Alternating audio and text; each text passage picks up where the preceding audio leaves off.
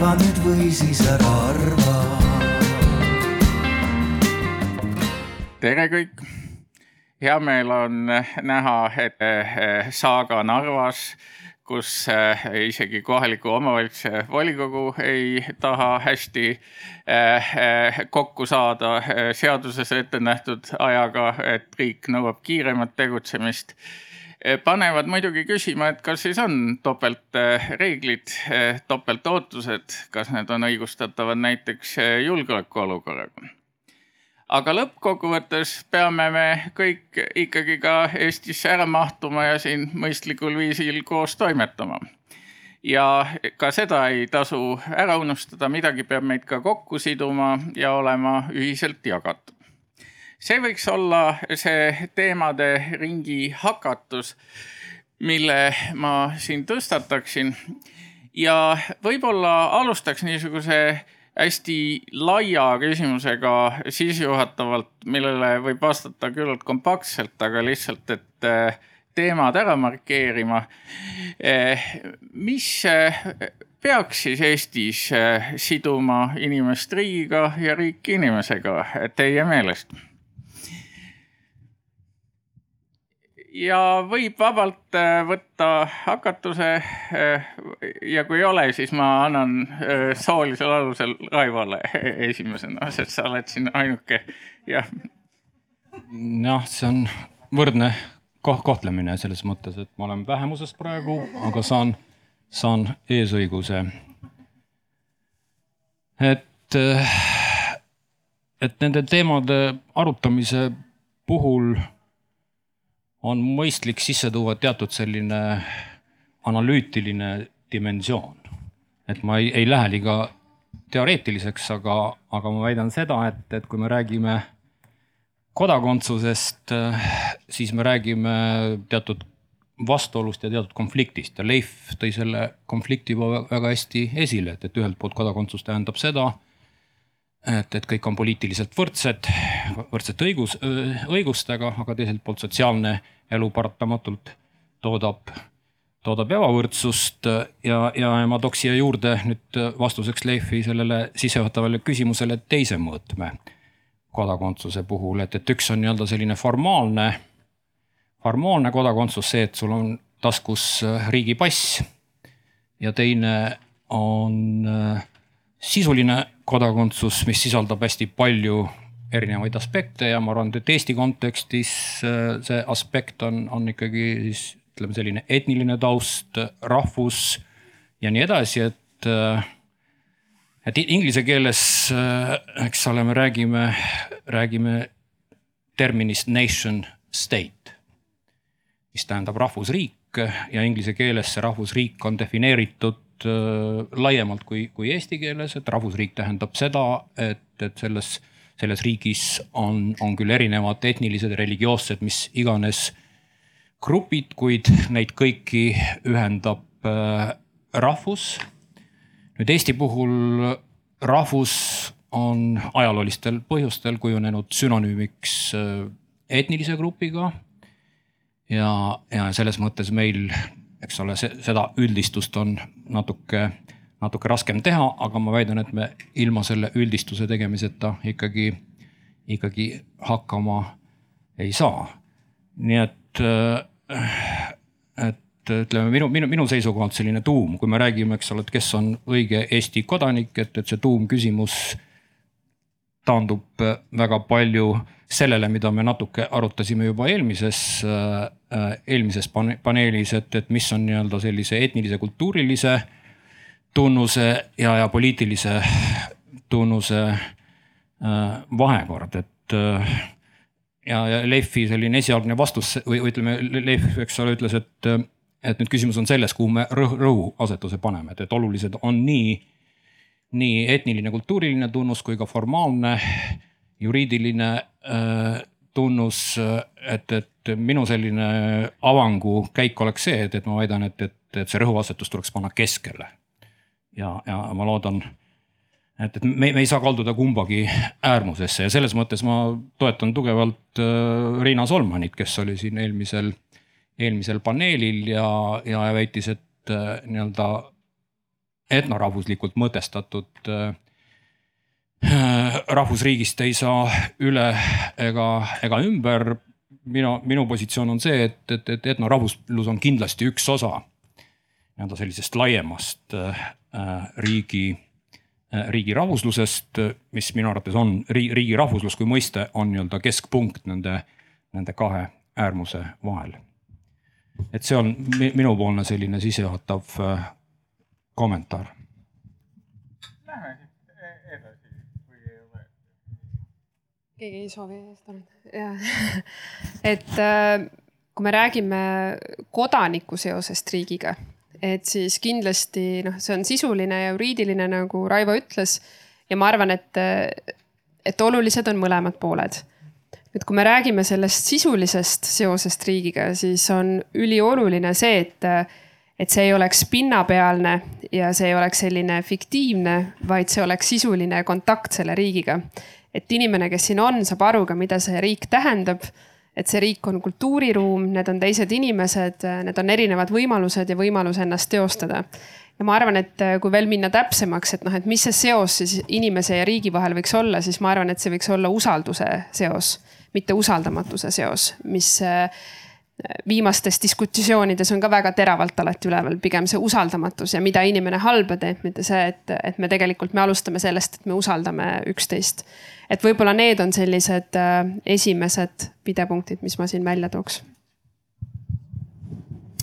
Ähm, ma läheks natuke tõesti ka natuke eemale, enne kui me jõuame nagu konkreetsete näiteks Narva tankijuhtumi juurde Äh, mis ilmestab minu arust seda kodaniku seost riigiga nagu täna väga hästi, selle põhjal on väga hea analüüsida seda, et mis on Eestis selle kodaniku ja riigi vahelise suhte tänane selline noh, puudujääk, et seal on olemas see puudujääk, see on ilmselge sellele, sellele elanike grupile, aga mis ta on, et et äh, kodakondsus ju iseenesest märgistab äh, mingi hulga X inime- või N inimeste kokkutulemist ja ütlemist, et me tahame äh, iseseisvalt ja suveräänselt otsustada seda, kuidas me elame, me omavahel lepime selles kokku, eks ole. selle me paneme kirja paberi peale, mille nimi on põhiseadus ja siis ühtlasi kõik, mis sinna põhiseadusesse kirja on pandud, kehtib meile kõigile võrdselt, sõltumata sellest, kas, kui pikk sa oled, kui vana sa oled, mis keelt sa tegelikult räägid, aga see, mis seal paberi peal kirjas on, see on meile kõik võrd, võrdselt äh, kehtib, et need on need õigused ja ühtlasi ka kohustused, see on see juriidiline pool kodanikuks olemisest, aga sinna paberi peale, sellesse põhiseadusesse ei panda ju kirja ainult õigusi ja kohustusi, see ei ole küsimus ainult õigustest ja kohustustest, seal on kirjas ka teatud väärtused ja teatud põhimõtted ja, ja nüüd äh, see, mis Eestis minu arust äh, on pikka aega olnud ikkagi see nii-öelda konflikti koht on see väärtuste ja põhimõtete küsimus, sellepärast et me oleme Raivoga teinud ka siin mitmeid äh, uuringuid, kus me näeme, et sedasama põhiseaduse preambulat tõlgendavad Eesti venelased ja eestlased erinevalt. et see eesti keel ja kultuur, mis sinna kirja on pandud, sellest saavad inimesed erinevalt aru ja et mis asi on eesti kultuur näiteks, et sellest saadakse väga erinevalt aru ja, ja sealt tekib mingi hetk see konflikti koht, kus, kus selgub, et tegelikult me ei jaga seda ühist väärtusruumi, me ei jaga neid ühiseid põhimõtteid ja, ja, ja siis igapäevaselt väljenduvad need siis sellistes olukordades a la Narva tank T kolmkümmend neli. see on nagu see koht, kus siis ühiste väärtuste mittejagamine väljendub, ta väljendub ka sellistes kohtades nagu vaktsineerimine ka seal väljendub tegelikult see ühiste väärtuste mittejagamine, et seal tuleb see konflikt nagu välja ja, ja ta, see konflikt äh, kanaliseerub kuhu, ta kanaliseerub riigi mitteusaldamisesse, ehk siis ma tegelikult lõpuks ei usalda seda paberit, sellepärast et te mulle väidate, et see, mis seal paberi peal kirjas on, midagi muud, kui mina arvan, et seal kirjas on. ja see on see, see on see nii-öelda kodaniku ja riigi vahelise suhte äh, probleem ja ma ei väida, et see on Eesti on ainuke riik, kus see probleem eksisteerib, ma arvan, et see on enamuses äh, lääne ühiskondades või nii-öelda arenenud demokraatias täpselt sama. Et äh, selle põhiseaduses kirja pandud väärtuste ja põhimõtete tõlgendamine on oluliselt keerulisem kui õiguste ja kohustuste tõlgendamine, oluliselt keerulisem. aga ma tahtsin Eesti puhul äh, tuua välja veel ühe huvitava aspekti, mis tekitab äh, kodaniku ja riigi vahelise suhte puhul äh, sihukese erandliku olukorra, mida väga paljudes teistes riikides siiski ei ole.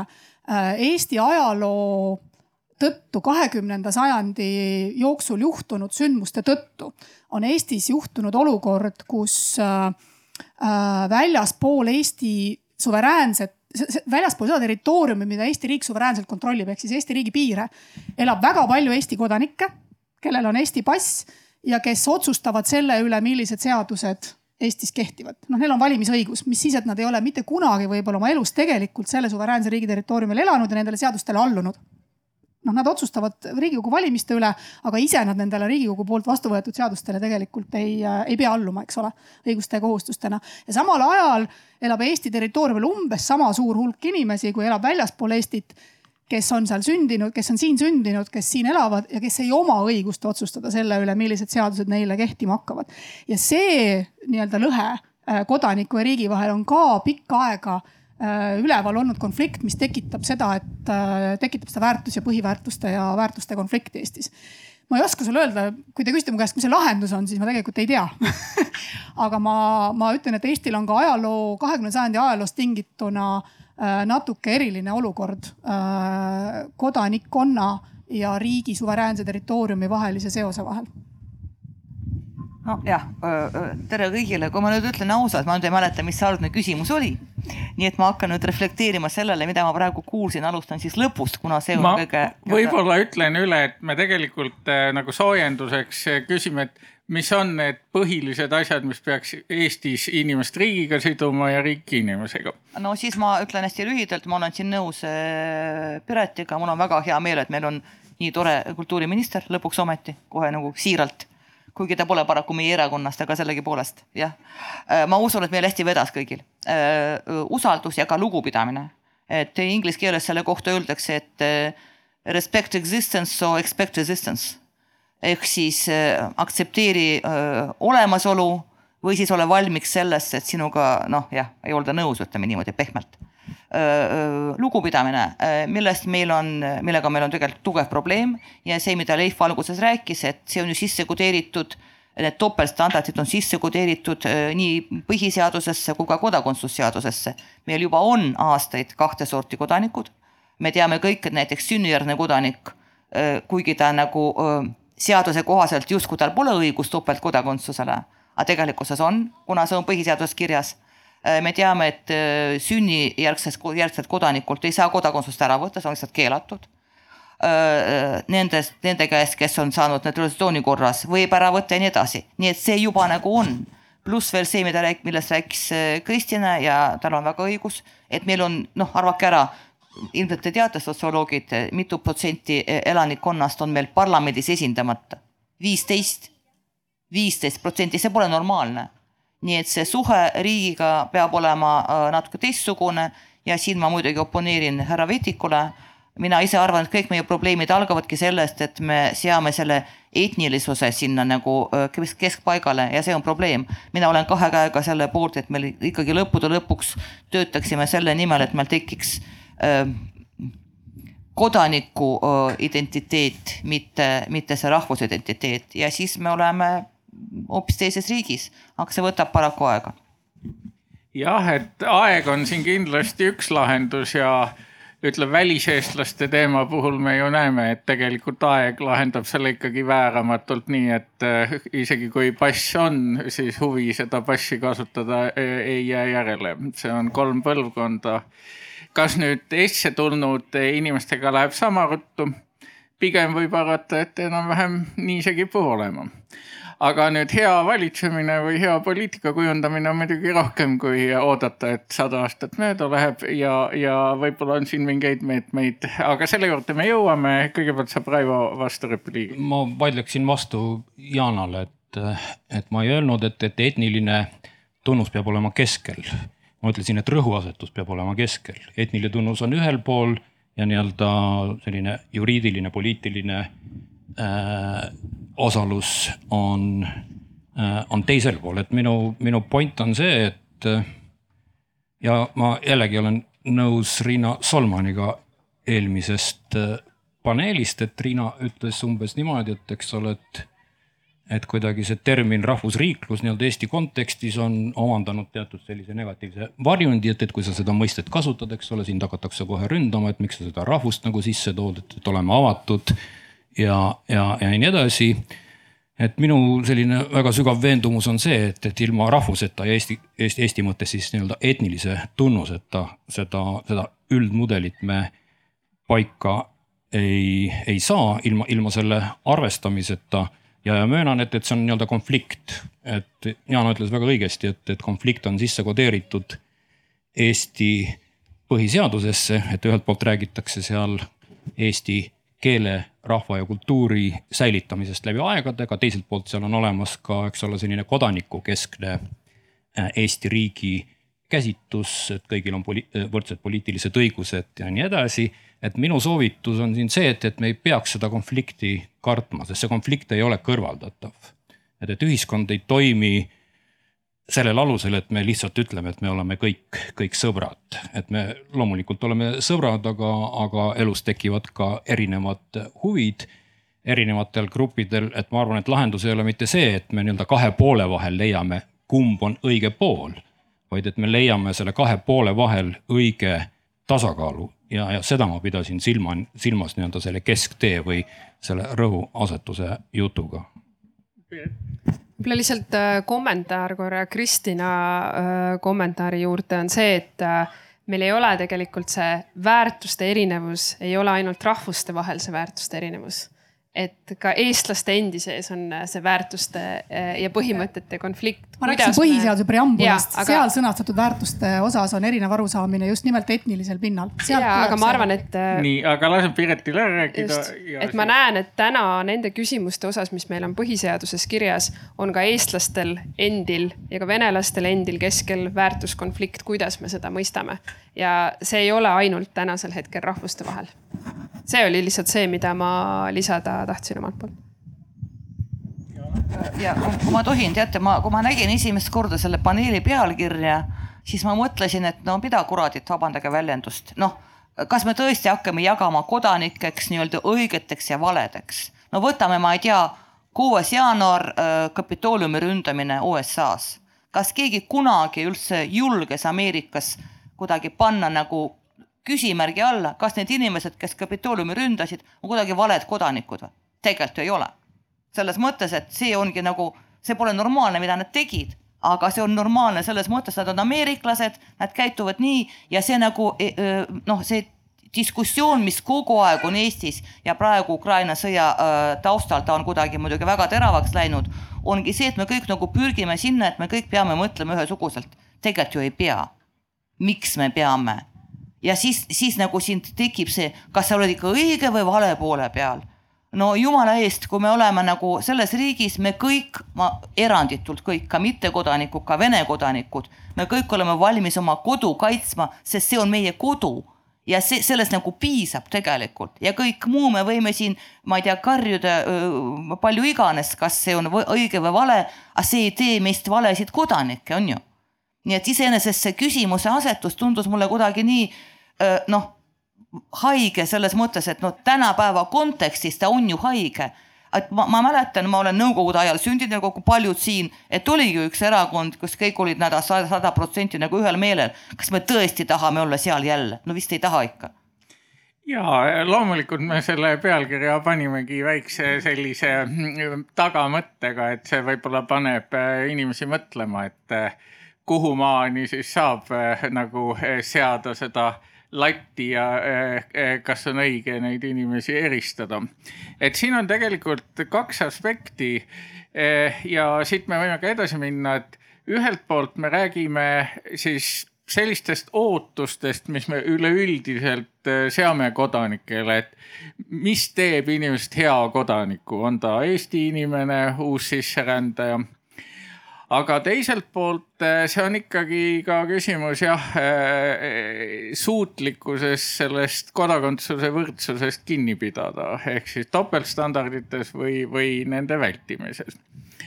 ja kui seda hakata otsast harutama, ma alustaksin võib-olla neist juurdetulijatest, kuivõrd see on meil rändeala. me siin eelmisel arutelul rääkisime rändepöördest Eestisse on äh, alates kahe tuhande viieteistkümnendast aastast tulnud sisse rohkem inimesi, kui on siit ära läinud. me oleme nüüd populaarne äh, riik ja viimastel aastatel me oleme väga populaarne, meil tuleb ikkagi sisse kümneid tuhandeid inimesi aastas. Ja eh, selle aasta numbrid tõotavad tulla siis sellise suurte sõdade tasemele isegi rohkem kui nõukogude ajal. juba praegu on Eestisse jõudnud viiskümmend tuhat Ukraina pagulast. Lisaks neile eeldatavasti ka kümnetele tuhandetele, kes siis tulevad muudel viisidel me praegu näeme, et need inimesed ei ole hakanud taotlema Eesti kodakondsust eriti mahukalt. Eh, Eesti kodakondsuse taotlemine on stabiilselt alla tuhande aastas naturalisatsiooni korras. nii et midagi selles rändemahtude kasvus ja, ja kodakondsuse taotlemises ei käi kokku ja siit võib-olla siis selline esimene küsimus, et eh, mida meil oleks äh, kohane oodata nendelt uutelt juurdetulijatelt ja neilt äh, nõuda. aga teiselt poolt ka, kuidas siis ikkagi jõuda selleni, et neil tekiks äh, motivatsioon üldse ennast Eestiga siduda kuni kodaniku seisundini välja. Jana. ma, ma vabandan, ma nagu vaidlen kohe vastu. kohalik Vene kodanik kui ta on Vene kodanik ja elab Eestis, see ei tähenda, et ta ei seo ennast Eestiga, absoluutselt mitte ja no lihtsalt minu väide on see, et need inimesed tunnevad, et Eesti on nende kodumaa täpselt samamoodi nagu seda tunnevad inimesed, kellel on taskus Eesti pass. see on mingisugune väga vale narratiiv, see on lihtsalt dokument, tuletage meelde, kuidas, kuidas me sinna jõudsime. aastal üheksakümmend kaks, üheksakümmend kolm, kui väga paljud venelased ei kvalifitseerunud selleks, et saada Eesti kodakondsuse ka mina olin nende hulgas, ma põrusin eesti keele eksamil aastal üheksakümmend neli, siis mul oli üks alternatiiv, kas ma võtan Vene passi või ma võtan halli passi. halli passi tollal ei tunnustanud mitte ükski riik peaaegu. see oli täitsa mõttetu paber ja kui sa oled aktiivne inimene, kui sa pead reisima, kui sa pead kuskil käima, siis sa lähed ja võtad selle Vene passi, seda tegid väga paljud ja nad elavad selle passiga, see pole mingisugune poliitiline deklaratsioon, see on üks dokument, mis annab inimesele võimaluse no kuidagi toime tulla oma igapäevaeluga, kõik. nii et väita, et nendel on, puudub seos Eestiga, ei ole absoluutselt õige. See on väga tugev seos ja täna on nad tõsi, väga haavatavas olukorras, eriti siin selle taustal, mida siin suutis meie austatud endine volinik Ansip öelda, et vaadake Ameerika Ühendriikides interneeriti sada kakskümmend tuhat Jaapani päritolu Ameerika kodanikku aastal nelikümmend kaks ja pole hullu midagi.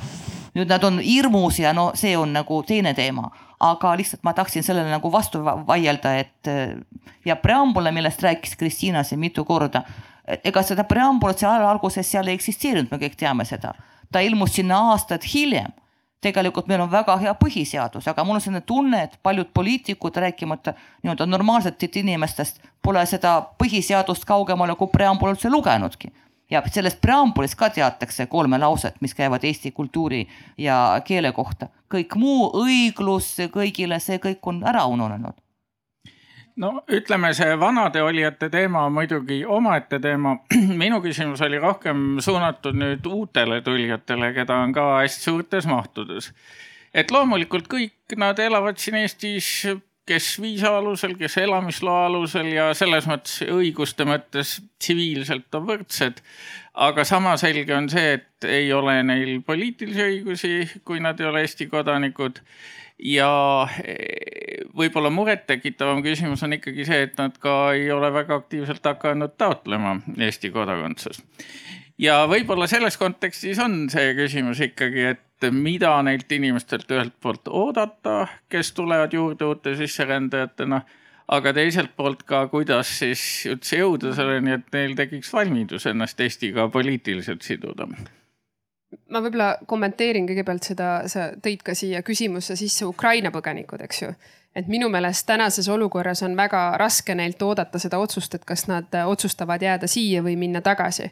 et see olukord on lihtsalt keeruline ja väga-väga kurb nende jaoks, et äh, mida meie täna riigiga, riigina soovime, nõuame isegi, on see, et need inimesed, kes on võtnud endale ajutise kaitse, saanud ajutise kaitse, Ukraina põgenikud, nad peavad alustama kohe eesti keele õpet, on ju, ja läbima kohanemisprogrammi, et saada aru, mis siin Eestis toimub. Ja noh, meie eesmärk on see, et need inimesed hakkaksid iseseisvalt siin toimetama, saaksid hakkama, saaksid jalad alla sest see periood võib kesta väga pikalt, aga täna neilt nõuda midagi enamat on minu meelest väga-väga keeruline Need uussisserändajad, kes Eestisse tulevad, ma arvan, et ka siin on väga erinevad inimesed. ega paljud ei planeeri siia pikaks ajaks jääda, paljud tulevadki siia lühiajaliselt, paljud tulevad viieks aastaks ja nad ei loobu oma senisest nii-öelda kodakondsusest minu jaoks on lihtsalt küsimus see, et äh, kas nad panustavad sellesse ühiskonda, sellesse kultuuriruumi, kas nad saavad ennast isiklikult äh, teostada. noh, ma natukene olen nõus ka sellega, mida Jana ütles, et alati see kodakondsus ei näita seda, kui palju sa sellesse riiki, kui palju seda riiki austad, palju sa siia panustada tahad, et seesama minu isiklik näide, mis ma olen korra toonud. minu mees kindlasti ei loobu oma senisest kodakondsusest, aga maksumaksjana äh, isiklikult hingega panustab siia ühiskonda väga, et ta kindlasti on äh, tõsiseltvõetav nii-öelda Eesti riigi mm, ma ei tea, inimene, kodanik ta ei ole et, äh, et see ei ole alati nagu näitaja, aga noh, teisest küljest kodakondsus muidugi on selline ülim lõimumine valdkonnas, öeldakse veel nii, et. lisada, et esiteks äh, äh ootus, et nüüd äh, siia sisse rännanud inimesed, viima-, hilisemad tulijad hakkavad kohe passi vahetama, ma arvan, et see on ebarealistlik Äh, sellepärast, et ühelt poolt nad peavad siin olema vähemalt kaheksa aastat elanud, et äh, ka see oli see, mis näiteks äh, Narva tudengite, Narva kolledži tudengite pealt, kes on täna Vene kodanikud ja keda ähvardab Eesti riigist väljasaatmine. kes suurepäraselt räägivad eesti keelt. Nad on selle kahe aastaga Narvas elades ära õppinud, aga kui neilt küsitakse, aga mis te siis Eesti passi ei tee, siis noh, siis neil jääb üle ainult kätt, käsi laiutada, sest nad peavad selleks kaheksa aastat siin kõigepealt elama, et nad saaksid üldse taotleda seda Eesti passi. aga ma arvan, et see suurem takistus on see, et et äh, nad peaksid nemad, nende puhul tõenäoliselt mitte, aga väga paljude puhul nagu Pireti abikaasa, minu abikaasa on see, et nad peavad oma teise kodu, kodariigi kodakondsusest loobuma sel juhul ja see on see, mis ma arvan, on ainuke üks suurimaid takistusi, miks tegelikult ei minda Eesti passi vormistama endale. et äh, side oma ajaloolise äh, riigiga, kus sul tegelikult on su vanemad, kelle eest sul on hoolsuskohustus, kus sul on võib-olla ka kinnisvara ja muud asjad, on niivõrd suur, et seda mõtet, et ma nüüd loobun oma nii-öelda kodukohariigi või sünniriigi kodakondsusest, et see mõte lihtsalt neile absoluutselt ei sobi. ja see on ka see põhjus, miks ei taotleta Eesti kodakondsust. Äh, äh, ka uuringud ju Euroopas näitavad, et naturalisatsiooniprotsess on kõrge nendes riikides, kus on lubatud topeltkodakondsus seal on sisserännanute naturalisatsiooniprotsess väga kõrge, meil ei ole, meil on naturalisatsiooniprotsess äh, Äh, selles mõttes praktiliselt olematu, et noh, naturaliseeruvad ikkagi ainult need, kes on noh, nõukogude ajal sisse rännanud ja kes on noh, sisuliselt halli passiga inimesed on ju need, kes meil Eestis tegelikult Eesti kodakondsuse astuvad. kuigi ma vaatasin eelmise aasta või selle aasta andmeid, äh, Vene kodanikud on täna naturalisatsiooniprotsessi arvuliselt üle võtnud. ehk siis, et tänase seisuga äh, loobutakse rohkem Vene kodakondsusest kui hallist passist selleks, et vormistada endale Eesti kodakondsus. ja, ja noh, Eesti kuna maailm on muutunud selles mõttes nagu rände tulemusena niivõrd kirjuks, et inimestel on reeglina mitu passi taskus, siis neil on erinevates riikides erinevad õigused, ühes riigis on poliitilised õigused, teises on ainult majanduslikud ja sotsiaalsed õigused, eks ole, pensioni saadakse siit riigist, aga kinnisvara on seal riigis ja, ja poliitilised ja kultuurilised õigused on veel omakorda kolmandas riigis. et äh, nendele inimestele, kes Eestisse reeglina satuvad äh,, noh, nad on need nii-öelda nomaadid, eks ole, kelle jaoks see nii-öelda äh, kodakondsus omab natuke teistsugust tähendust tõenäoliselt kui, kui nendele inimestele, kes on, kes on püsivalt sünnikoha järgses riigis elavad, et need on, need, need, see kodakondsus omandab rohkem õiguste paketti ja vähem võib-olla selliste väärtuste ja põhimõtete paketti, et kas mul on mingeid õigusi siin? Ja kuna Eesti riik äh, võimaldab praktiliselt kõiki õigusi, see, see kodanikuõiguste osa on ju väga väike seal, mis kaasneb ainult kodaniku kodakondsusega.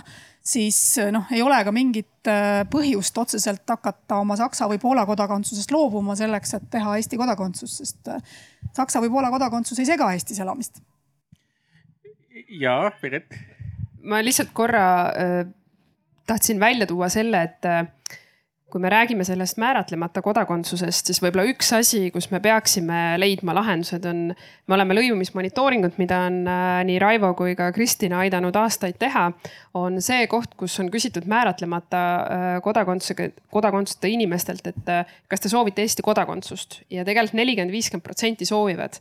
et küsimus on, et kuidas me selle suudaks ära lahendada, et mis on see põhjus et inimesed, kes soovivad, väga paljud nendest saaksid ka võtta, nad on siin piisavalt elanud, neil on olemas eesti keele oskus. miks nad seda sammu ei tee?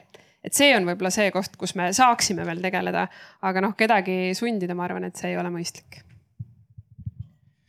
nii et jah, võib-olla on ka lugu nii, et see ei olegi väga probleem. tõsi, see võib minna ka äärmustesse, me teame, et Pärsia lahe äärsetes riikides on sageli mitte nii et, et viisteist protsenti on hääleõiguseta, vaid kaheksakümmend protsenti on hääleõiguseta ja kodanikke on ainult kakskümmend protsenti, neile on ka rohkem hüvesid ja teised on ka rahul, sest saavad tööd ja palka ja nii edasi, et see on sihuke nagu rantjee kodakondsus natukene. Aga nüüd eh, siin oli vist veel kommentaari soovi. ma, ma teen hästi ruttu, ma tegelikult arvan, et see on väga probleem, eriti Ukraina sõja taustal, sest sada tuhat Venemaa kodanikku on probleem äh, täna. keegi ei tea, mis nendega peale hakata ja see, kui meil algul äh, nagu nii-öelda valitsuse tasemel nagu kuidagi suudeti äh, hoida nii-öelda lahus, et see on Putini režiimi sõda, mitte Vene inimeste sõda. nüüd on kõik läbisegi nagu läinud juba, kõik need viisakeelud ja muu ja see vastutus nagu öö, nii-öelda avalikus narratiivis kandub aina rohkem nagu Vene kodanikele ja ka Eestis elavatele Vene kodanikele ja see saab olema, ma kujutan ette, suur probleem just nii-öelda kodurahu mõistes. inimesed tunnevad ennast väga ebaturvaliselt Vene kodanikud, nii et see on probleem. mis puudutab halle passi, siis ma, ma olen nõus nagu Piretiga, et jah, ma tean, et üle poole tahaksid kodakondsust. ma lihtsalt pean üle kordama selle mõtte, millest me Kati Raigiga räägime nagu võidu igal, igal paneelil, kus me osaleme, et andkem võimalus aken inimestele, andkem võimalus küsida seda kodakondsust, ma ei tea, aasta jooksul ilma eksamiteta, lihtsalt lojaalsusvanne ja kõik, kes ei taha, see ei võta ja teema on igaveseks maas ma, ma siiski lisa, ma, ma, ma ei saa mitte lisamata jätta selle Vene, Vene kodanike teemal Eestis, et äh, ma saan, Jana, sellest teemast väga hästi aru, aga kodakondsusega käivad kaasas õigused ja ma saan aru, et nendel Vene kodanikel on Venemaaga seoses mingid õigused, käia viisavabalt Venemaal, omada mingeid muid õigusi, aga nendega kaasnevad ka kohustused ja Vene kodanike kohustus täna on ikkagi mingil määral oma riigi tegude eest ka vastutada. noh, ma, ma ma ei, ma ei, ma ei toeta siin absoluutselt seda, mis, mis me arutame siin, et kellelgi peaks valimisõigust ära võtma aga põhimõtteliselt ei saa argumenteerida ainult seda, et kui sul on Vene kodakondsus, siis sul on ainult mingid õigused, sul on tegelikult ka kohustused ja kohustused kaasnevad ka selle riigiga ja selle riigi tegudega. Neil on hääleõigus, et sellega, see on kohustus ja noh, puht filosoofiliselt ja teoreetiliselt see kohustus neile kehtib ah, vabandust, ma nüüd pean vastu vaidlema. meil on selline äh, muinasjutt käibel et, et üheksakümmend, ma ei tea, kuus protsenti Eesti Vene kodanikest äh, presidendivalimistel toetas Putinit, mis vastab tõele. aga me unustame selle, et ainult kaheksateist protsenti Vene kodanikest üldse käis hääletamas, mis tähendab seda, et ülejäänud mis ta ongi, seitsekümmend kuus, seitsekümmend kaks protsenti, ei tunne üldse huvi selle vastu. aga see kohustus on neil olemas no kohustus on, mida ma tahan öelda, et kohalik Vene kodanik ei ole Vene kodanik selles mõistes, mida sa praegu nagu üritad sinna sisestada, ei ole. Nii, Raivo. ma tooksin siia juurde integratsiooni monitooringute andmed, mida me oleme kakskümmend aastat teinud alates aastast kaks tuhat ja eelmine aasta oli siis sihuke ümmargune tähtpäev, et kakskümmend, kakskümmend aastat, et vaatame trende ja nii edasi ja tegelikult üks selle uurimismeeskonna põhijäreldusi seoses kodakondsusetuseta oli, oligi see, mis, mis kaldus toetama Yana ja Keskerakonna positsiooni, et, et kõige mõistlikum on luua võimaluste aken, kas aasta või mingi, mingi muu perioodi jooksul, sest teist äh, alternatiivi sellele ei ole aga samas see oli täpselt aasta tagasi, eks ole, praegu meil on, on, on teine, teine, teine keskkond. ma olen nõus, et me ei saa Eesti Vene kodanikke süüdistada selles, mis toimub Ukrainas, aga, aga paratamatult see Putini sõda Ukrainas äh, mõjutab ka seda, nii et äh, ma näen, et, et see, see variant on muutunud ebarealistlikuks ma nüüd enne kui ka publikut eh, kaasata, küsin ära siis ka selle teise tahu, mis rohkem haarab võib-olla selliseid tüüpilisi Eesti kodanikke. Et kodakondsus on jah, ühelt poolt õiguslik seisund, teiselt poolt poliitiline seisund. ja me oleme näinud üsna mitmeid arenguid, mis rõhutavad pigem kodanikult selliste soorituste tegemist või, või paratamatustele allumist on see siis julgeoleku võtmes, et on raske olukord ja tuleb äh, võib-olla mingitest arvamistest äh, natuke tagasi hoida või panustada rohkem. Need on kõik ootused kodanikele mingis mõttes ülevalt poolt. Eh, teine areng on siis selline, ütleme bürokraatliku menetlemise kasvamine, mis tähendab, et kõigi asjade peal on protseduurid ja see kodanik lihtsalt nagu peab neid läbi tegema, tal järjest vähem jääb võimalust eh, anda sisendit, ütleme, poliitiline mänguruum väheneb ja selle tõttu kodakondsus kuidagi kaotab oma väärtust. valimised mõjutavad vähem, sest erakonnad on ühte nägu. Eh, kõik see ju paneb sellist ratsionaalselt kaalutlevat ja äh, oma aega planeerivat inimest ka tõmbuma eemale kodaniku rollist, mida äh, vähem on kodanikul alt üles sisendit anda, seda vähem ta hakkab ka seda sisendit andma. et kuidas teile tundub, kas sellised paratamatused, julgeolekustamine, bürokratiseerimine ja nii edasi on kuidagi seda Eesti kodaniku rolli liigselt õõnestanud või on see veel nagu enneaegne mure avaldamine? mina, mina nii mustades toonides seda olukorda küll ei näeks, et meil on valimisaktiivsus ikkagi Eestis äh, päris korralik.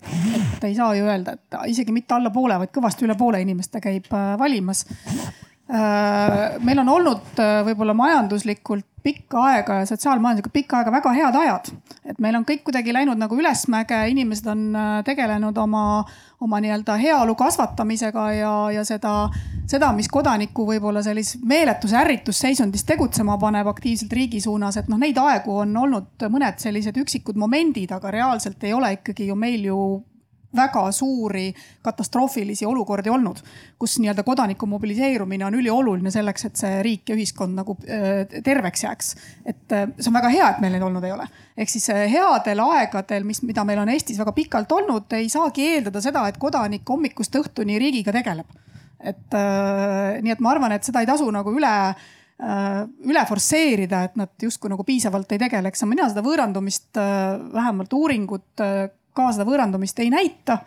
Äh, nad näitavad äh, usaldust ja eestlased on olnud kõikide Euroopa sotsiaaluuringute võrdluses kõikide teiste idaeurooplastega võrreldes Eesti või riigi suhtes väga usaldavad. et see usaldus riigi suhtes on olnud väga kõrge, ükskõik, kas me võrdleme neid äh, Kesk-Ida-Euroopa või Lõuna-Euroopa riikidega, siis me oleme pigem seal Põhjamaade, küll mitte Põhjamaade tasandil, aga Põhjamaadele lähedal oma usaldusega riigi vastu. et meie kodanikud usaldavad oma riiki, usaldavad keskmisest rohkem aga no nii head ajad on olnud, et mis sa siis nii väga siin muretsed selle asja pärast, et noh, ma tänaseks on ajad muutunud, eks me siis näeme, mis, mis tulevikus toob. ma jah, vabandust, Piret, ma, ma ei näinud, et ma, ma pean ütlema, et iga kord, kui meile öeldakse, et no nüüd, nüüd Keskerakonna reiting, mulle väga meeldivad pealkirjad, kukub kivina et annaks jumal, et ega kivi nii kõrgele kukuks, aga no see selleks. aga ma tean nagu, mis alati mobiliseerib inimesi, kui sa ütled, et noh, see on ju jumala õige, et kui sa ei tegele poliitikaga, siis poliitika tegeleb sinuga. isegi kui ta on väga pettunud kõigis erakondades, ta ikka viimasel päeval enne valimisi suudab selle valiku langetada, sest ta annab endale aru, et võib ju jamaks minna. ja kui me vaatame eriti, noh, ma ei hakka nagu siin rääkima, mis on parem, mis on halvem, aga lihtsalt noh, need praegu olid väga, kaks väga erinevat valitsust, on ju üks ja see teine praegu. igaüks saab nii-öelda võrrelda, noh, mida võis nagu ära hoida või millega võis hakkama saada ja nii edasi. nii et, aga ma pole siin nõus Kristinaga, et meil on kuidagi väga sellised noh, see on tore, et meie inimesed usaldavad riiki, aga ma alati kadestan oma lääne kolleege, kui ma näen, kuidas nemad suhtlevad oma valijatega. kujutate ette, nagu Hollandis on normaalne, et korteriühistu, no meie mõistes korteriühistu, koguneb enne valimisi ja võtavad lahti nagu valimisprogrammid ja vaatavad, kuidas nende valitud saadikud hääletasid ja arutavad neid asju. meil on ikka nii, et sa tuled vali ette ette, kui sa ilusasti viskad saltot, siis ongi hääled koos, on ju. see pole nagu okei okay. meie, meie valijal, ma ei taha nagu kedagi solvata, on ikka väga-väga tihtilugu selline, no ma ei ütle, et haugi mälu, aga me kuidagi nagu usaldame neid meeldivaid inimesi, kes hästi räägivad. meil ei ole veel seda nagu noh, ühiskonnas ei ole sellist nagu poliitika huvi nagu peaks võib-olla olema. aga no eks, eks kriisid aitavad muidugi sellele kaasa, sellega ma olen nõus usaldamine võib jah tähendada ka allumist, et aktiivne osalus poliitiliselt meil nagu liiga uhke ei ole, valimistel tõesti käiakse. Piret võib-olla tahtsin täiendada ka sellega, et äh, usaldus riigi vastu või seos riigiga, noh äh, Raivo jälle välja töötatud mõõdik riigi, riigi identiteet, mis meil on lõimumismonitooringus, näitab, et nii eestlased kui ka teisest rahvusest inimestel Eestis on väga kõrge, väga tugev seos äh, Eesti riigiga, väga tugev riigi identiteet.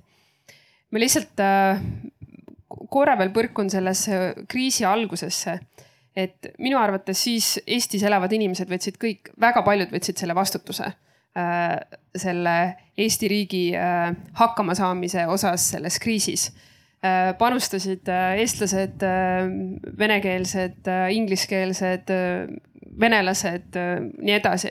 et see ei olnud see, et kas ma olen selle riigi kodanik või ei ole. eestimaalased aitasid riigil seda kriisi panust või lahendada.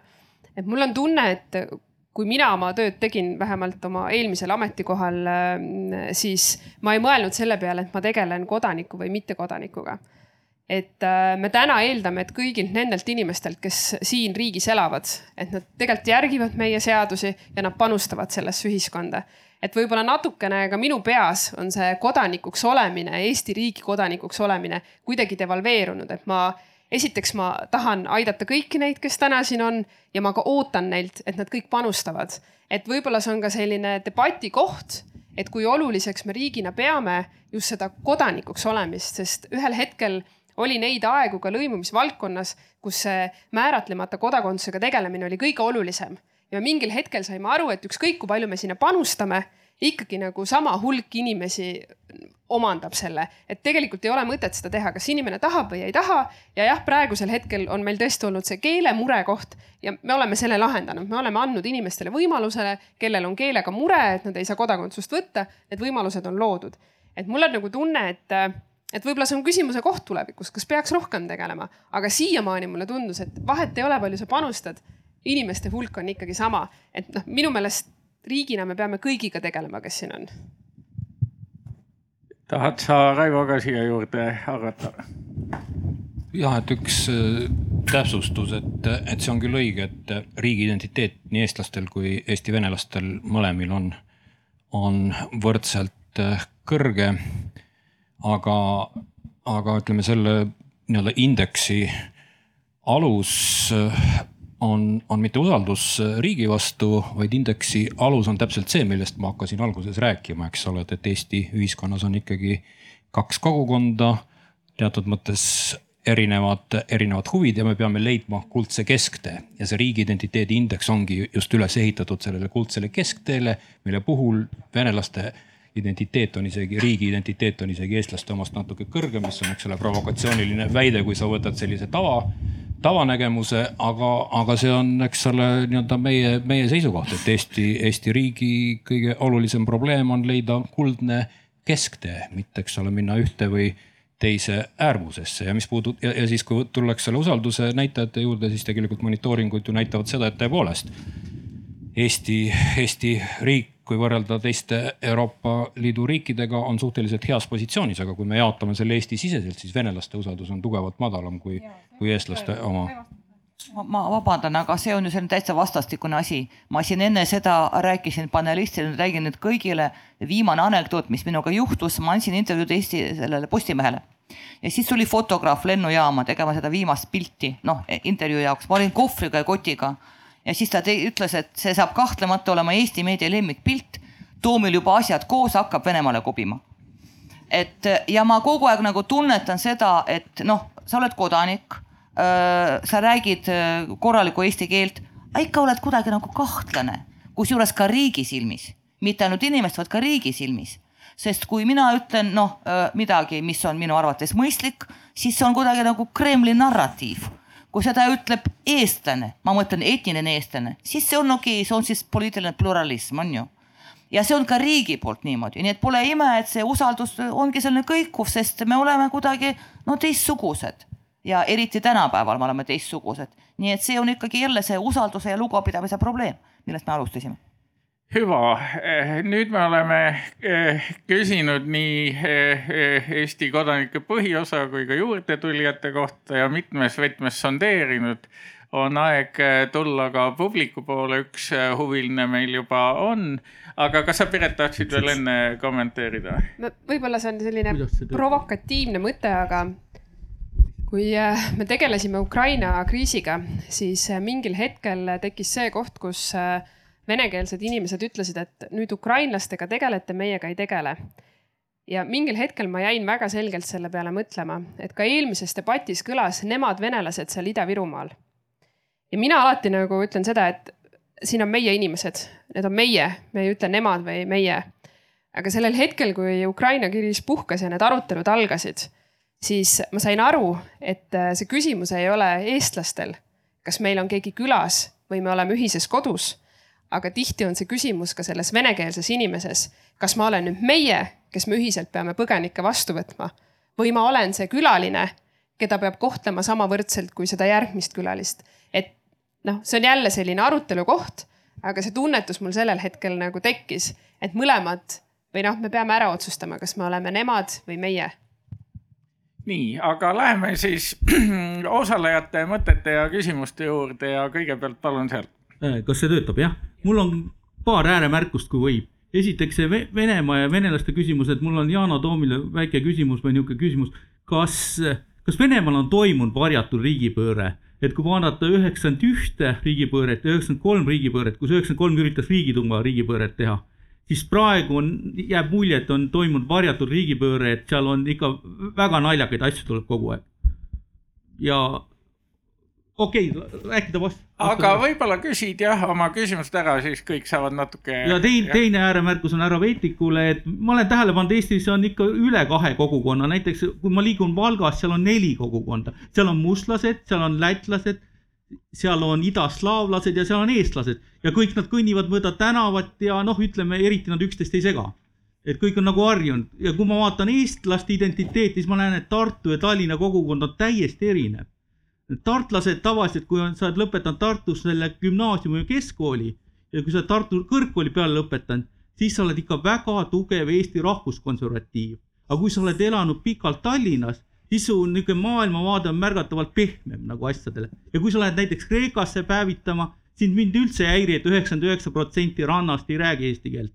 et see on jumalasti okei okay,, kui sa Kreekas päevitad no nii, aga võtame järjekorras siis Venemaa ja hallid varjundid kogukondades, palun. ma, ma sellele küsimusele ei vasta, ausalt öeldes teate, mul on kõrini sellest rollis äh,, rollist, millesse on kogu aeg surutud kõik Eesti-Vene poliitikud.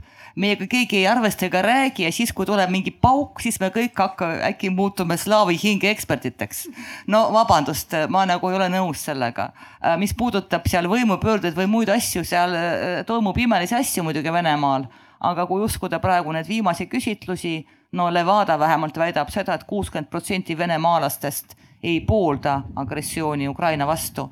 nii et see retoorika, mis meil siin levib, et umbes nii, et kõik on, kõik on süüdi ja kõik on poolt, ei vasta tõele. aga riigipöördete kohta midagi ma ei oska teile öelda, vabandust see teine küsimus oli suurepärane ja, ja see annab mulle võimaluse seletada veel kord lahti oma analüüsi mudel, et ma sain teie jutust aru, et, et põhipoint oli selles, et, et nii eestlased kui ka venelased ja teised on sisemiselt eh, ka hästi heterogeensed, et me ei saa kõike, kõike panna ühte patta. Ja selles mõttes ma olen, olen täitsa nõus, et et kogukondi on rohkem, aga ma rääkisin lihtsalt nii-öelda keele, eestikeelne kogukond ja venekeelne kogukond, mille sisse kuuluvad paljud, meil on loomulikult nüüd ka inglisekeelne ja, ja, ja muukeelne, aga, aga nüüd ütleme see point ise, et kõik grupid on sisemiselt heterogeensed, mitmekesised, et, et see on nagu väga tähtis point ja, ja ütleme selle Eesti riigi nii-öelda arengumudeli või riikluse mõtestamise seisukohalt on see selline väga hea nagu alguspunkt, et kui, kui me nüüd lihtsustame, ütleme uuesti, eks ole, et, et meil on eestikeelne kogukond ja meil on eesti, venekeelne kogukond, nad mõlemad sisemiselt jagunevad paljudeks gruppideks. üks võimalik jaotus on see, et me ütleme, eks ole, et mõlemad jagunevad kaheks, ühed on sellised radikaalsed, kes on, ajavad juuksekarva lõhki, aga oma õigustest või oma nii-öelda huvidest ei ole nõus lahti ütlema ja teised on mõõdukad, kes, kes näevad, et, et ühiskond on mitmekesine, et, et me ei saa ainult oma ego kogu aeg esile tõsta, et, et kui me, me peame nägema ka nii-öelda tervikut. ja selle nii-öelda riigi mudeli seisukohalt mulle tundubki, et kui need kaks mõõdukat mõlemal pool, mõlema, mõlemas keelekogukonnas, kui need kaks mõõdukat seltskonda panevad seljad kokku, et, et siis Eesti riigi tulevik on helge. Nii, võtame ja veel küsimusi, kommentaare, seal on. anname mikrofoni edasi nii, kui ma nüüd siin kuulama hakkasin, siis mul tekkis niisugune natuke skisofreenne tunne sellest lausest, et riik peab hakkama siduma äh, kodanikke riigiga või noh, umbes sedasi.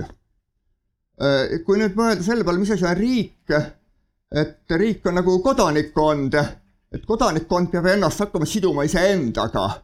et kas siis on see skisofreenselt lõhestunud see asi või midagi on korrast ära ja nüüd sellest areneb siis edasi nüüd sellisem küsimusem asi ka veel, et miks Eesti kodakondsuse tahtjaid pole piisavalt nendes kaua siin elanute seas.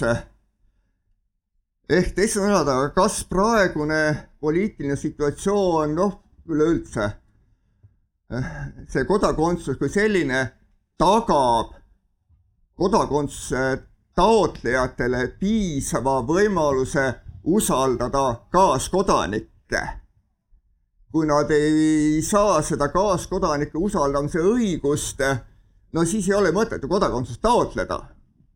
et seesama kaasinimeste usaldamise õigus on Eestis liialt riigistatud. Ja, või mitte riigistatud, ei saa siin ka öelda, on liialt antud valitsuse kätte ja valitsust ei usaldata. Ja, et äh, aitäh, see esimene pool on vist isegi mulle kui selle arutelu nii-öelda moderaatorile, et miks me räägime kodakondsust kui riigi ja inimese seosest, on see, et äh, tavapäraselt äh, läänemaailmas on inimesed olnud seotud ühe riigiga põhiliselt ja see on olnud siis selline täiemahuline seos selles tähenduses riik on muidugi tõesti kõik kodanikud, kes on omavahel nagu kokku leppinud. aga riigil on ka kitsam tähendus. riik on alati ka riigi institutsioonid, kes teostavad avalikku võimu. Ja nüüd kõigis asjades, mis täiesti iseenesest paika ei lähe eh, võivad riigi institutsioonid eh, proovida asju edasi liigutada ja seda on ka Eestis küllalt palju tehtud. Eh, nimelt meil on olnud lõimumispoliitikat juba üle kahekümnendi ja see on andnud ka teatud tulemusi. Aga tõepoolest, mis nagu jääb praegu natuke ikkagi vastuseta, on see, et ega viimasel kümmekonnal aastal neid kodakondsuse tahtjaid väga ei ole. isegi kui Eestisse tulijaid ja Eestis kodakondsuseta olijaid on küllalt palju. ja tõesti, see kaheksa-aastane tsensus on siin nagu olemas ja kaheksa aastat saab järgmine aasta täis ka sellest, kui Eestis siis tuli see netosisseränderiik nii et selles mõttes on jah, see küsimus üsna tõsine ikkagi, kas me Eesti riigina tahame kuidagi selle uue lainega tegeleda paremini, kui läks äh, võib-olla nendega, kes nõukogude ajal sisse tulid. mul on vähe kahtlust, et me saame hakkama majandusliku sotsiaalse lõimumisega, aga poliitilise lõimumisega ei ole see kindlus sugugi nii hea aga nüüd see küsimuse teine pool koos selle minu kommentaariga võikski olla ka osalejatele veel kord võimalus arvata, siis kas me saaks kuidagi olla paremad uute tulijate poliitilisel lõimimisel? Mulle tegelikult, mul läks kohe mõte liikuma selle teie nii-öelda seisukoha teise poolega, sellega, et me mõõdame ja paneme tähele seda usaldust ainult äh, kodaniku ja riigi vahel. ja see tihti kujuneb siis selliseks, et äh, noh, kodanik on käsi pikal laiali ja ootab, et riik midagi teeks, riik võtab selle vastutuse ja teeb ja siis selle pealt justkui nagu kujuneb see, see usaldus ja samal ajal äh, kodaniku puhul on ikkagi väga oluline see usaldus teise kodaniku vastu ja kui palju riik seda usaldust allapoole annab ja laseb õiguslikult tegelikult luua suhteid kodanike vahel, ka õiguslikke suhteid. ma ei taha siin abiellumisest rääkida, ma räägin näiteks elektri tootmisest, eks ole, et kas elektri tootmist saab teha niimoodi, et mina toodan päikesepaneelidest elektrit ja müün seda naabrile, me omavahel lepime kokku hinna. täna ma seda teha ei saa, eks ole, täna ma pean kõigepealt selle riigi omandis oleva ettevõttele võrku ära müüma ja siis riik pärast müüb selle tagasi. ja noh, siis see usaldus sellise ühistu tasandil on ta nagu nõrk tekkima, sellepärast et kõik käib nagu läbi riigisüsteemi ja kui riik hakkama ei saa, siis see usaldus igatepidi nagu laguneb ja, ja logiseb. et mulle nagu väga meeldis, et te selle teema tõstatasite, sellepärast et ma arvan, et et äh, me peaksime tõesti mõtlema ka õiguslikult riigisüsteemis selle peale rohkem, kui palju me õiguslikult suudame allapoole anda ja neid kodanikevahelisi usaldusi rohkem ehitada, õiguslikku süsteemi seal rohkem üles ehitada. et ilma riigita saab ka tegelikult koda, kodanik riiki usaldada, aga ilma, et see riik talle kõiki teenuseid ise kogu aeg teeb kui tohib, ma läheks selle teise poole peale, et äh, mis teha nende äh, nii-öelda uus, uustulnukutega ja see võrdlus venelastega. Kristina juba ütles ja väga õigesti, et tegelikult Vene kodanikud on praegu väga tugevalt üle võtnud selle naturalisatsiooni ja see juhtus kusjuures peale kahekümne neljandat veebruari. et see on poliitiline valik ja me oleme praegu väga sellises tundlikus ja delikaatses momendis, kus me peame ma ei tea, kas me suudame, ma ei ole üldse optimistlik, aga tegelikult me peame olema väga ettevaatlikud oma kommunikatsioonis kohalike Vene kodanikega. et kui me tahame tegelikult seda protsessi nagu soosida, sest kui nad võtavad praegu omaks selle, millest rääkis Kristina, et nad on vastutavad Putini kuritegude eest, siis nad jäävadki selle punase passiga solvunud oma kööginurka et tegelikult oleks mõistlik ikkagi anda nagu mõista, et me ootame teid ja palun tulge, tehke ära et see on väga selline, no minu meelest väga selline oluline momentum täna. mis puudutab neid uusi inimesi, kes on tulnud, siis ma olen sellega nõus, et praegu midagi neile ette kirjutada või üldse mõelda selle peale on väga ennatlik. ainuke asi on muidugi eesti keel, aga siin ma olen väga skeptiline, ma olen seda öelnud ka varem mingites intervjuudes. et ja Kristjan teab seda ka väga hästi, ma tean, et äh, ta oli väga aktiivne nende põgenikega, et siia ikka tullakse sellepärast, u vastus все можно по-русски Nad tulevad selle keele pärast siia ja kui nad tahavad ära minna kahe aasta pärast, siis öelda neile, et saatke oma laps Eesti kooli, no vabandust, noh, on tal seda vaja. me võime seda muidugi nagu peale neile suruda, aga meil ei ole seda ressurssi, et sellega hakkama saada. kui ma siin saatsin hiljuti arupärimise äh, haridusministeeriumisse, sain tagasi vastused, ma nägin neid numbreid, mitu eesti keele õpetajat meil üldse olemas on, see on olematu number olematu number, rääkimata sellest, et ainult nelikümmend kaks protsenti nendest õppis eesti keeles. Nad on eesti keele õpetajad, üle poole õppisid vene keeles. seal on selline eesti keel, et tule taevas läbi. noh, sorry, me lihtsalt ei saa sellega hakkama, see oleks võib-olla hea ja tore, aga see pole reaalne ma siiski täpsustan, Kristina ei öelnud, et neil on vastutus Putini režiimi eest. Kristina ütles, et neil on kohustused Vene riigi ees, sest nad on Vene Föderatsiooni kodanikud. kui neil on kohustused Vene riigi ees, siis Vene riigil on nende peale õigused. ehk see on puhtalt juriidiline rahvusvaheline põhimõte Vene riigil, tänasel riigil, kes on agressor on õigused siin elavale sajale tuhandele inimesele, see on lihtsalt see reaalsus, me peame sellega arvestama. ja kui nendel inimestel on ka Eesti riigis omakorda mingid õigused, siis kaude omab Vene riik läbi nende inimeste õigusi Eesti riigis. et see on see debatt, millest ma arvan, me peaksime rääkima, mitte nendest sellest, nemad vastutavad Putini režiimi eest, ei, sellest ma ei räägi. hüva, aga siin ma arvan, need positsioonid on meil juba paar korda teada, et vaatame, kas Piret ja Raivo tahavad ka selle osaleja küsimuse osas midagi arvata no võib-olla ühe nüansi või see ei ole nüanss, on päris äh, suur tegelikult põhimõte, et äh, et ma olen nõus, et praegu on, me alguses rääkisime Putini režiimist ja selle mõjust. ja nüüd on läinud see Venemaa ja Vene sportlased ja Vene kultuuriinimesed, kes ei tohi siia tulla ja ma arvan, et see on väga õige. aga noh, mida me oleme pidevalt ja kogu aeg rõhutanud, et need äh, venelased venekeelsed inimesed, kes elavad Eestis, nendel on õigus siin ennast teostada, olenemata sellest, kas nad on kodanikud või nad on mittekodanikud. Nad saavad oma kultuuri teostada, siin osaleda kõikidel sündmustel. et see on nagu selline oluline põhimõte minu meelest, mida me peaksime tänases situatsioonis eriti rõhutama ja me ei tohiks siin minu arvates alla anda, sest kui me selles küsimuses alla anname, siis me anname tegelikult alla väga suures osas äh, nendes inimestes, kes siin Eestis elavad ja on väga pikalt elanud.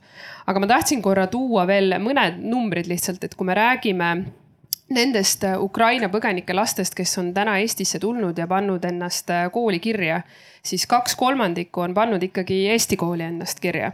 Ja praegu on äh, võib-olla Integratsiooni Sihtasutuse inimesed ja meie valdkonna inimesed võivad öelda ikkagi juba tuhandeid inimesi, kes on pannud ennast keelekursusele kirja, kes on Ukraina põgenikud ja väga paljud on asunud juba täna õppima et ma ikkagi selle tooksin ära, et nende inimeste motivatsioon täna siin kiiresti kohaneda ja eesti keelt õppida on päris suur.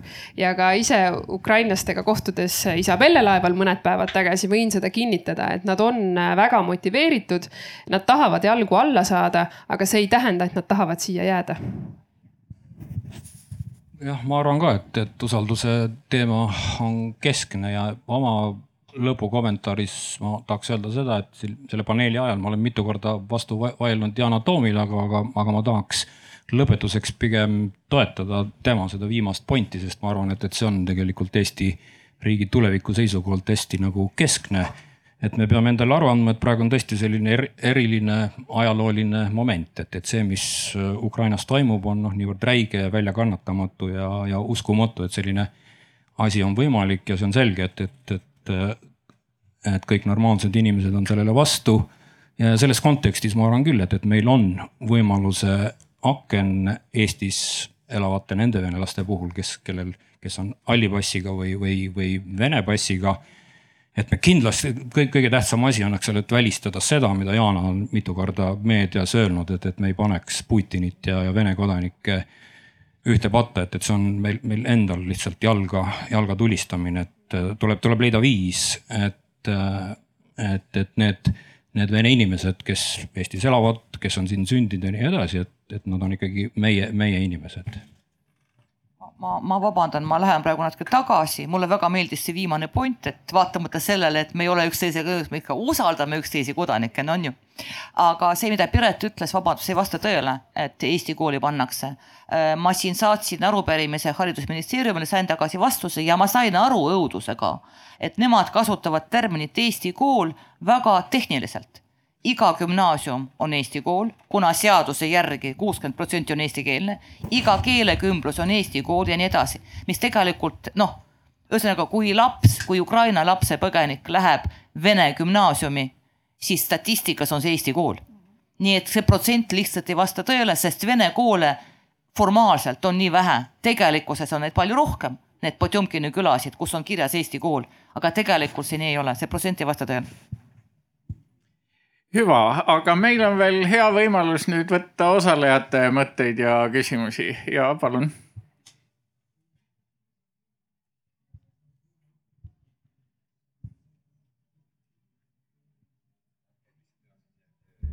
Ma teen lihtsalt, ma ei äh, küsi, vaid ma lihtsalt äh, kommenteerin midagi, et ma olen nüüd kaks paneeli siin istunud, minu nimi on Sulev Valdmaa, ma olen kolmkümmend aastat tegelenud integratsiooniga, aidanud Integratsiooni Sihtasutust olen koolitanud eh, Eesti venelastest ajaloo ja ühiskonnaõpetuse õpetajaid ja ma olen kümme aastat ka Loksa gümnaasiumis õpetanud gümnaasiumiklassides, kus istuvad eestlased, venelased koos. ja ma lihtsalt nagu selle kogemuse pealt tahaks midagi lõpuks öelda. Esimene asi on see, et eh, loomulikult selle paneeli pealkiri, et eh, kes on õige kodanik, ei kõlba mitte kuhugi. kodanik on kodanik, see on poliitiline institutsioon, Jaanal oli siin õigus pigem ma olen palju Ameerika programmides olnud, me oleme arutanud ringides, kes on hea kodanik. vaat hea kodanik on see, kes maksusid maksab ja kes äh, üleskutsetele vastab ja ise midagi algatab ja nii edasi, aga nagu õiget või vale kodanikku pole olemas. Nüüd äh, see, mida alati seda Yana Toomi noh, nagu imetlen, kui selgelt ta suudab rääkida ja, ja kui nagu Äh, rasked on need seisukohad teinekord vastu vaielda, aga ma siiski tahaks öelda, et no mina olen etniline eestlane. ja mulle ei meeldi, kui äh, Eesti Vabariigi põhiseadust või siin omal ajal tehtud selliseid otsustusi, et paneme sisse need laused, kui seda kritiseeritakse, need on ajaloolise, ajaloolise arengu ja, ja tõsise elu produktid, miks meie põhiseadus on nii saanud, miks on kunagi öelnud Ansip niimoodi, need ei ole halbade inimeste tuultest mõeldud, mõeldud, mõeldud mõtted, nendel on põhjus. ja mina arvan, et Eesti rahvas väikse rahvana, nagu me kogu aeg ütleme, meie ei saa väga palju lubada endale loperdamist siiapoole ja sinnapoole. et sellepärast on õige, EKRE pani selle Postimehele selle lause sinna all, pealkirja alla tahaks näha, kes selle ära võtab.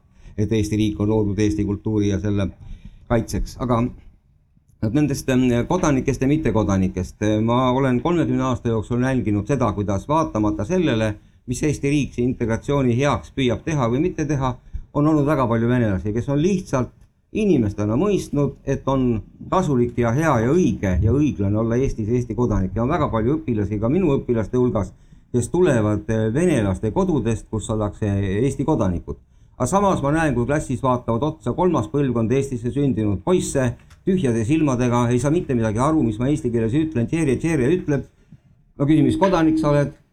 ta on Vene kodanik, aga ta on kolmandat põlve siia sündinud. aga samas ma näen, et venelaste hulgas liikumine on toimunud väga suur liikumine Eesti kodakondsuse võtmise poole on siiski toimunud ja no mina pooldan seda seisukohta või niisugust arvamust, et mis riigi kodanik sa oled, kui sa ei ole just sündinud äh, põhiseaduse järgi, eks ole, kas päikese all või, või vastava riigi kodanikest, vaid sul on valikuvõimalus, siis inimene teebki selle valiku. temale ei hakata peale pressima, teda ei hakata meelitama mingisuguste rahadega või tont teab mis asjaga. see, kes täna on kolmekümnendal Eesti taasiseseisvumise aastal jäänud Vene kodanikuks, see on selle inimese valik olnud tal on kolmkümmend aastat olnud aega õppida eesti keelt ja saada Eesti kodanikuks. ma, mind solvab see, kui minu emakeelt püütakse kogu aeg näidata mingisuguse koleda kollina, mida inimesed ei suuda ära õppida. isegi siin keskkonnas elades kolmkümmend aastat, kus nendel on peale makstud kümneid kordi keelekursusi, mine kursusele, õpi keel ära. ja ta ei saa kodakondsust sellepärast, et ta ikka ei oska eesti keelt. no tuleb midagi teha et vot sellega, lugupeetud proua Yana Toom, ma no, nõus ei ole. aga ma tõepoolest, aga kui rääkima hakkate, ma alati imetlen, kuidas te räägite. Te siin ka puistate praegu igasuguseid asju, millest paljud on demagoogiad, aga see on nii hästi ette kantud, et ma tõesti juubeldan. No võib-olla jah, see isikliku mõõtme jätame siin kõrvale, et kui Yana Toom tahab see sisu ma, teema osas kommenteerida. ma, ma hästi ruttu, ruttu vastan, tegelikult see ei vasta tõele, sest äh, see kolmekümne aasta puhu, jutt Eh, sest see Venemaa kodakondsusseadus näeb ette seda, et iga, iga laps, kes on sündinud Vene kodanikul, on Vene kodanik, olenemata sellest, kas tema vanemad on või ei ole seda küsinud ta on Vene kodanik ja vastavalt sellest, selle seaduse vasta, vastavalt ta ei saa sellest kodakondsusest loobuda, enne kui ta saab kaheksateist. nii et need poisid, kes talle otsa vaatavad klassis, isegi kui nad väga tahaksid, nad peavad olema veda, Vene kodanikud, kuni nad saavad kaheksateist ja on selline vene vanasõna, teate, et kui sa oled juba niimoodi nagu üles kasvanud, pole sa sinna jäädki, see on nagu noh, lihtsalt nii on. Muudes asjades, no ma ei hakka teiega vastu vaidlema, aga te ütlesite seda, et on põhjused, ma olen nõus, aga igal ahjal on põhjus ja on ka tagajärg. Ja meil oleks aeg praegu tagajärgede peale mõelda, sest põhjused on minevikus, aga see kõik muu on tulevik. nii, aitäh, võtame järjekorras, seal on järgmine. Võrkkiige peal.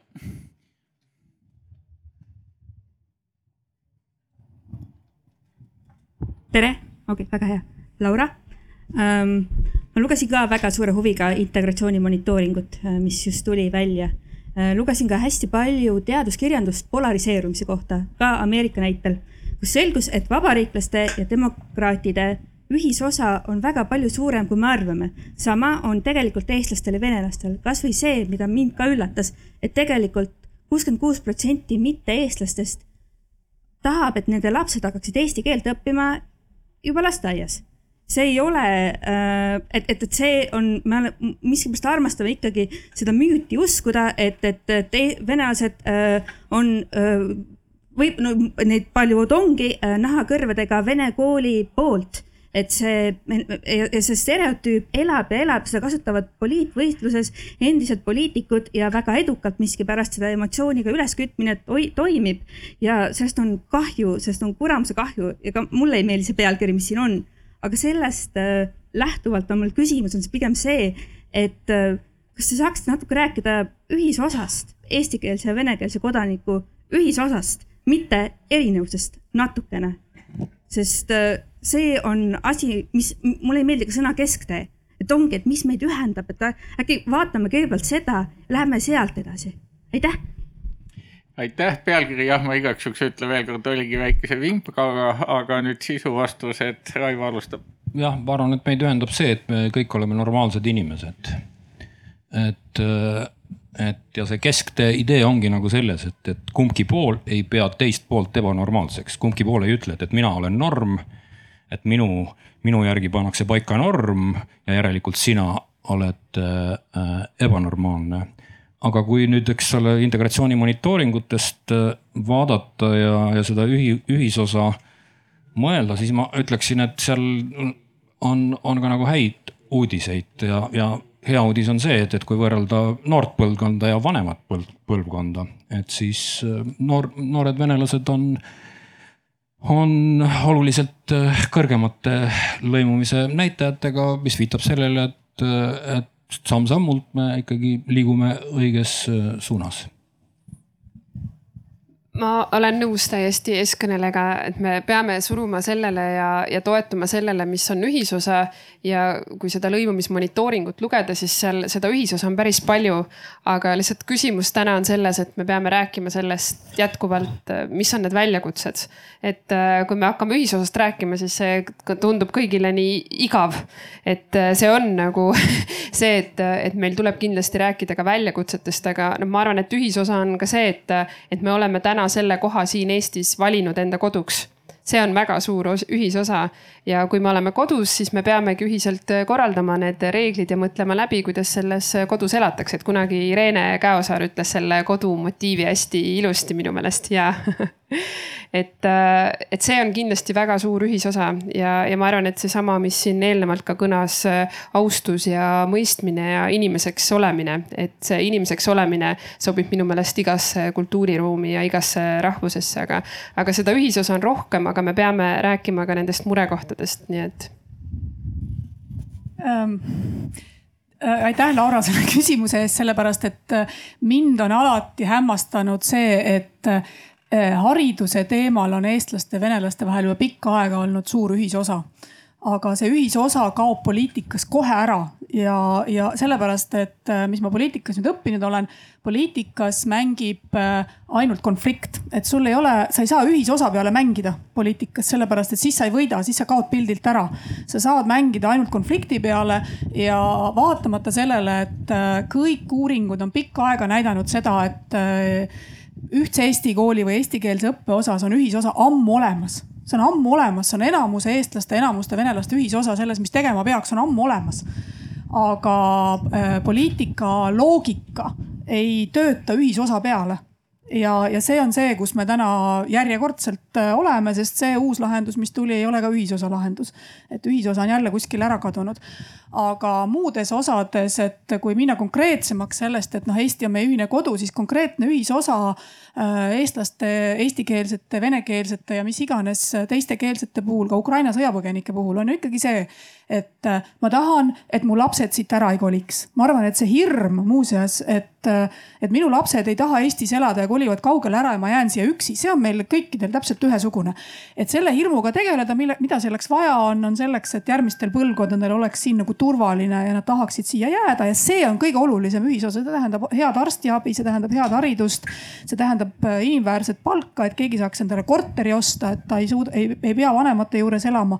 see on täpselt üks ja sama, mida tahavad eestlased ja venelased, mingit vahet seal ei ole et äh, Eesti venelastel on täps-, väga suur hirm selles, et nende lapsed kolivad Eestist ära ja nad jäävad siia üksi. ja see hirm on see, mis neid tulevikku, Eesti, Eesti tulevikku ehitama tagant kin-, nii-öelda kannustab. ma olen nüüd see paha inimene, kes praegu hakkab kõikiga vaidlema.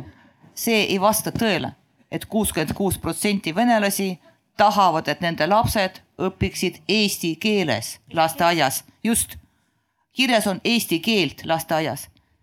Eesti keele õppimine ja eesti keeles õppimine pole üks ja seesama kuigi seda serveeritakse niimoodi Eesti meedias ja siis jääbki selline mulje et kuuskümmend kuus protsenti tahab, et homme läheksid kinni vene lasteaiad, see ei vasta tõele. Nad tahavad, et nende lastele õpetataks korralikult eesti keelt. Aga et see oleks ikkagi venekeelne lasteaed ja siin toimub selline äh, manipuleerimine nagu avaliku arvamusega, et kõik on selle poolt, tegelikult ei ole. aga mis puudutab ühisosa, ma usun, et see on väga selgelt, ma olen siin nõus Kristinaga ja väga selgelt on võib-olla see põlvkonniti kuidagi nagu äh, paistab paremini välja. see kõik see roheline agenda on noortelt täpselt üks ja seesama, olgu nad eestlased, venelased või hiinlased. et ikka see, et noh, see, see oleks ikka puhas, see oleks looduslik ja nii edasi ja nii edasi. see on väga tugev ja mul on väga kahju, et Eesti Roheline Erakond on nii kahvatu. ma soovin neile edu selles mõttes, et see agenda Eestis vedeleb maas nii, aitäh ja üks küsimus on veel seal.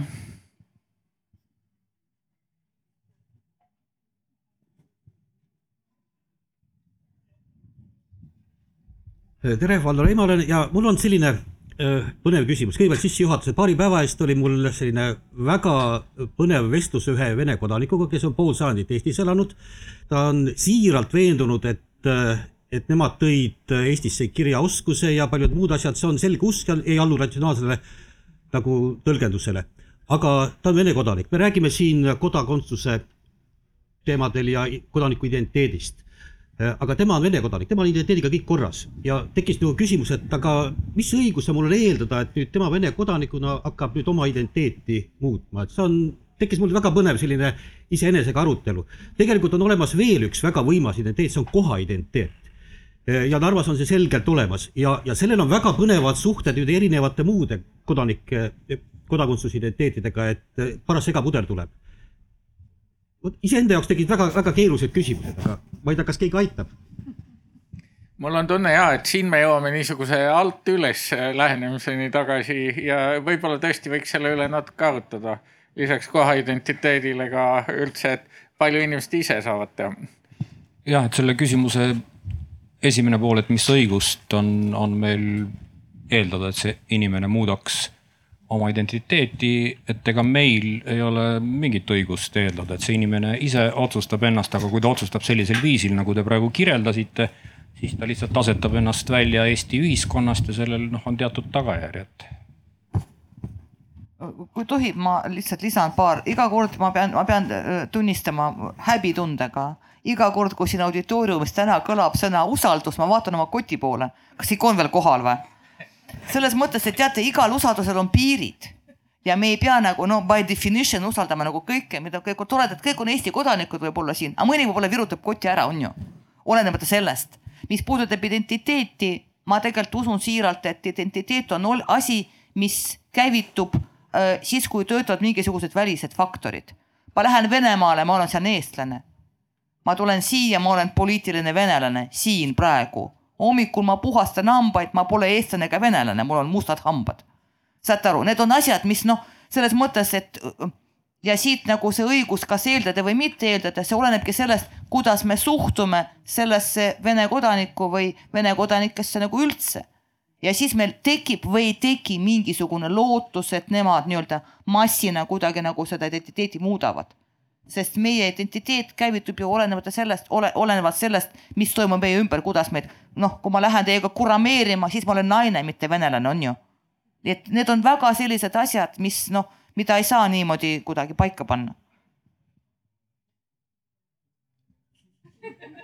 Äh, mi, mi, mi, äh, mina, äh, minu arust Raivo ütles nagu väga õigesti, et kui ta Äh, kui ta on Vene kodanik, kui ta ei tunnista või ta ei seo ennast nende väärtustega, mis Eesti ühiskonnas Eesti kodaniku puhul nii-öelda eeldusena kollektiivselt on, siis ta asetab ennast sellest lihtsalt väljapoole.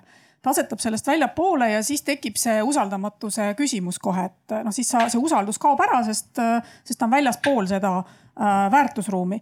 Ja noh, äh, demokraatia puhul, kui me tahame, et demokraatia riigis toimiks, siis on ju hästi oluline see, et kodanikud üksteist usaldaksid ja mitte kedagi ei asetataks väljapoole, see on see, millest Jana kogu aeg räägib, et meie asetame kedagi väljapoole, et seal see usaldus katkeb, aga et keegi ise ka ei asetaks ennast, eks ole, väljapoole, et mida rohkem on neid inimesi, kes asetavad ennast sellest väärtusruumist väljapoole, seda, seda, seda õrnem on see demokraatia, sellepärast et siis valimistel läheb lappama ja, ja, ja läheb lappama selles mõttes, et tulemuseks on see, et me ei suuda kokku leppida mitte milleski varsti, sellepärast et me oleme kõik ennast kuidagi väljapoole asetanud äh, sellest väärtusruumist ja see on, see on see, miks, miks me räägime sidususest, et siin see härra, kes ütles, et me räägime hästi palju sidususest, et see on oluline demokraatias.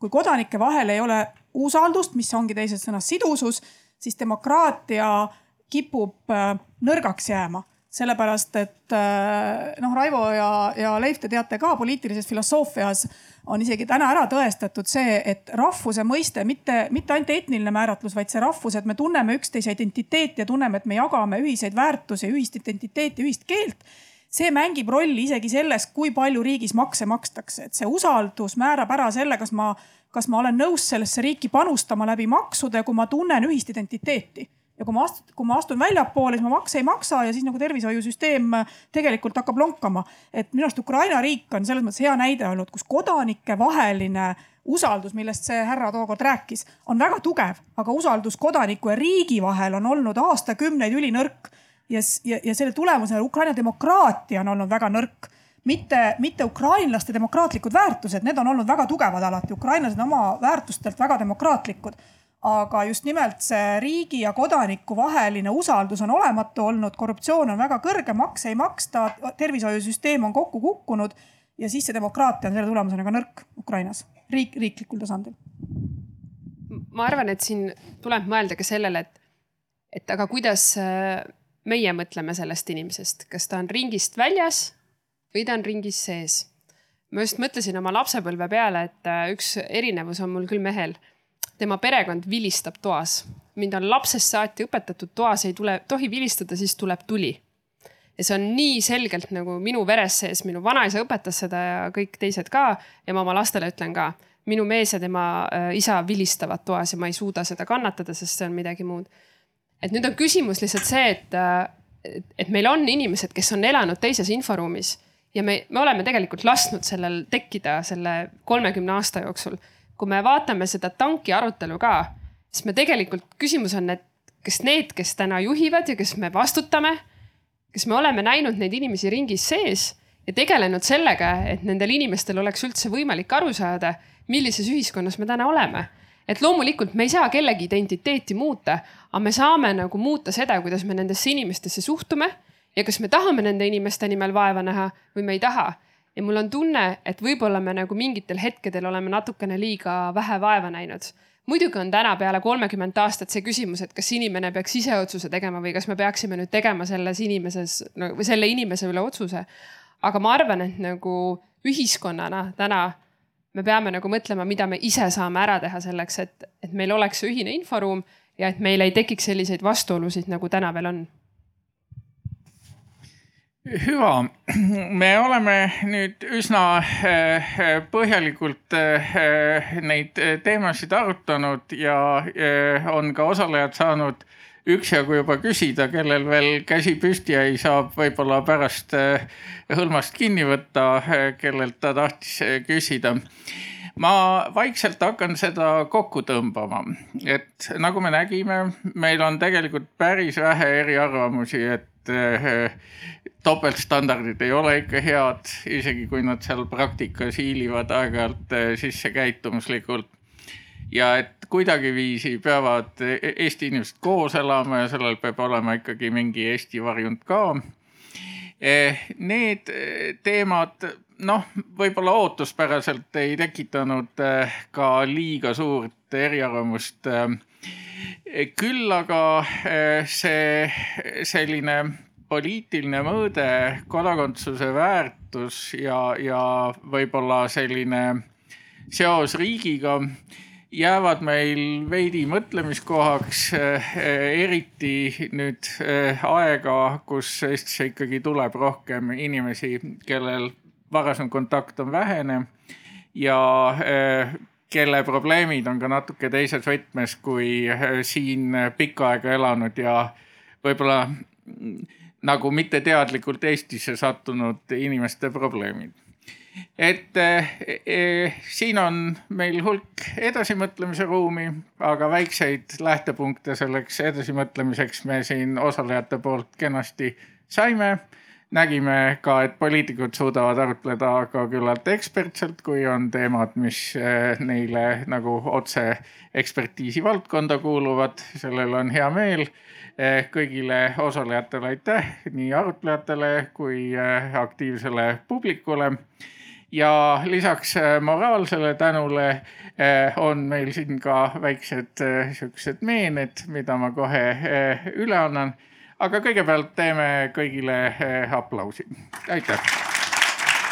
selge see, et ega kõike teha See me ben